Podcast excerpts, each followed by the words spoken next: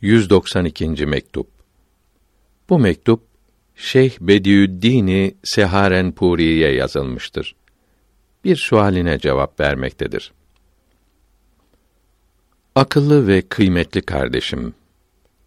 Hocama yazmış olduğum 11. mektupta Hazreti Ebu Bekr Sıddık'ın makamından daha yüksek bir makam hasıl olduğu yazılıdır.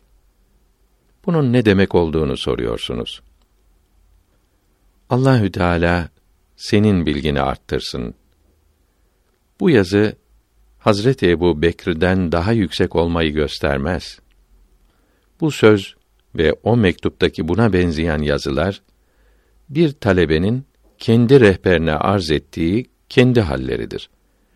Büyüklerimiz buyuruyor ki bir talip doğru olsun yanlış olsun kendine hasıl olan her şeyi üstadına bildirmelidir. Çünkü doğru olmayan bilgilerden doğru manalar da çıkarılabilir. Bunun için bunları da bildirmek lazımdır denildi. Yukarıdaki söz de bu sebepten yazılmış olabilir.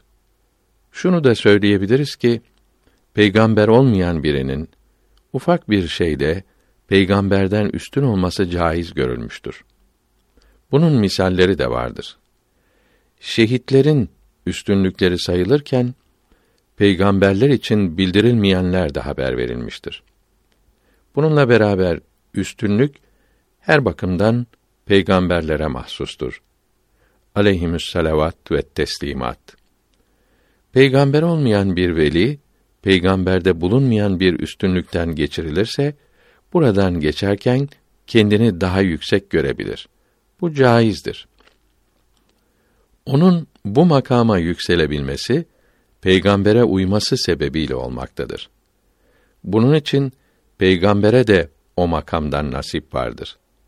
Çünkü hadisi i şerifte güzel bir çığır açan kimse bunun sevabını kazanır ve bu güzel şeyi yapanlara verilen sevaplardan da pay alır buyuruldu. Peygamber olmayanın ufak bir şeyde peygamberden üstün olması caiz olunca peygamber olmayanlardan üstün olması da caiz olacağı meydandadır. Bunu anlamak güç değildir. Vesselam.